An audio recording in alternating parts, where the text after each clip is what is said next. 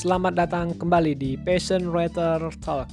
Ya, ini adalah podcast ketiga dari channel ini.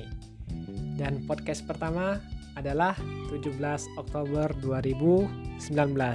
Podcast kedua punya jeda waktu 8 bulan yang kemarin 5 Juli 2020. Dan sekarang adalah 6 Juni 2020. Ini adalah podcast ketiga dan menjadi podcast kedua dalam rangkaian 30 Days Podcast Challenge.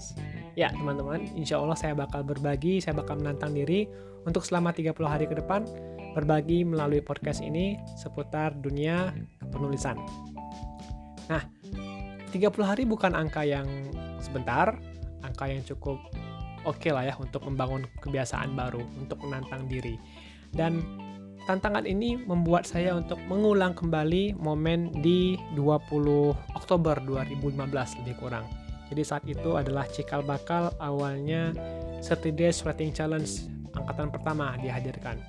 Jadi pada saat itu teman-teman uh, saya menantang diri untuk menulis selama 30 hari non-stop, tapi nyatanya saya bisa mencapai angka 120 hari dari Oktober, November, Desember, Januari hingga Februari 120 hari. Bayangkan, menulis nonstop di blog. Dan itu bukan angka yang sebentar, teman-teman. Berapa bulan sih? 4 bulan ya lebih kurang ya? Ya lebih kurang. 120 hari. Bayangkan eh, banyak orang yang eh, jangankan 120 hari, 30 hari saja atau bahkan 7 hari saja belum bisa membangun kebiasaannya untuk berbagi, entah itu tulisan, entah itu podcast atau apa pun. Dan saya bisa melakukan itu. Alhamdulillah. Nah, apa yang saya lakuin? Nah, ini bakal saya juga lakuin di podcast Writing Challenge ini. Di 30 Days Podcast Challenge ini. Apa itu? Yaitu Bank Ide. Dan Bank Ide ini juga bisa kamu lakuin untuk melatih diri untuk berbagi konsisten setiap harinya. Mari kita mulai Bank Ide.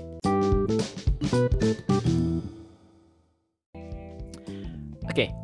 Bank Ide ini adalah uh, sebuah daftar, sebuah uh, list yang mana di sana berisikan segala ide yang bakal kamu bagikan secara konsisten setiap harinya. Dan itu bisa digunakan wadahnya berupa kertas putih atau notes di handphone atau notes di catatan teman-teman juga boleh, catatan buku harian ya, apa pun itu teman-teman. Nah, jadi setelah ada wadahnya, tolong berikan jeda waktu sejenak untuk diri sendiri fokus. Tuliskan segala hal yang sekiranya akan kamu bagikan setiap harinya. Oke, jadi jeda dulu, kemudian tuangkan segala hal, segala ide yang terpikirkan, entah itu ide yang relate sama teman-teman, entah itu ide yang liar, entah itu uh, mungkin isu terkini nggak masalah. Yang penting ada dulu idenya. Jeda waktu jenak tuangkan segala ide yang kepikiran sebanyak-banyaknya.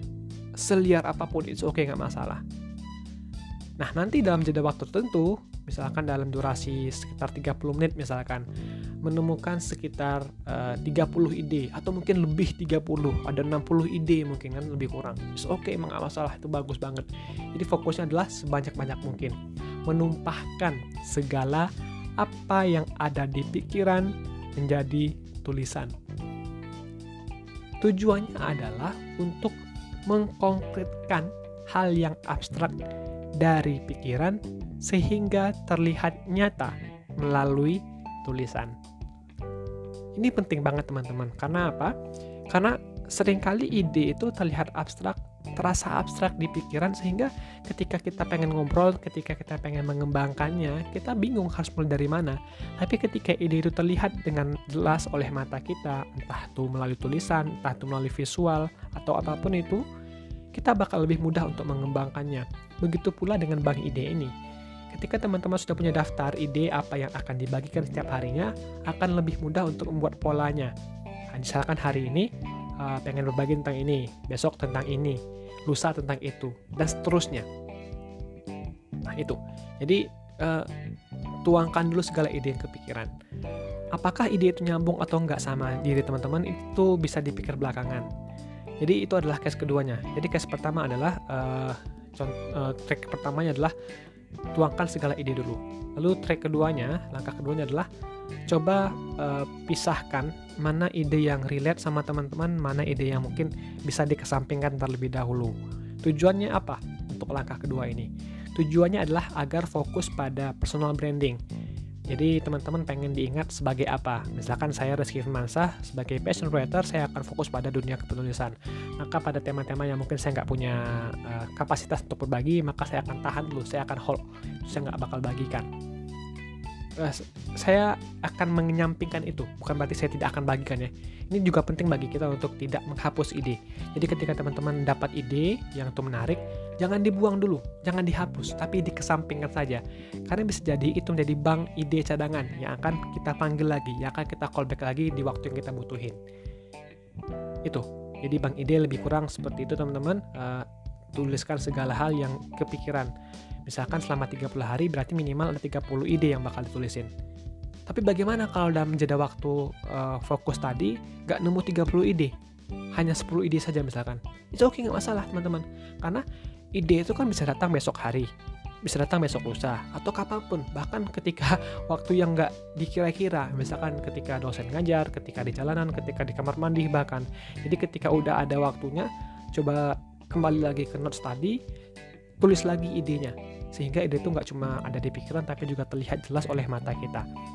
Jadi kapan pun ada ide, tambahkan ide itu ke bank ide yang telah kita tulisin tadi uh, fokus pada pengeluaran ide, fokus pada penambahan ide. Kemudian langkah keduanya adalah coba seleksi mana ide yang relate sama diri sendiri, mana ide yang mungkin bisa dikesampingkan. Jangan dihapus ya, tapi dikesampingkan terlebih dahulu saja. So, itulah Bang Ide, trik bagaimana cara kita bisa konsisten berbagi setiap harinya. Mulailah pikirkan kamu ingin berbagi tentang apa dan pertimbangkan juga kamu ingin dikenal sebagai apa.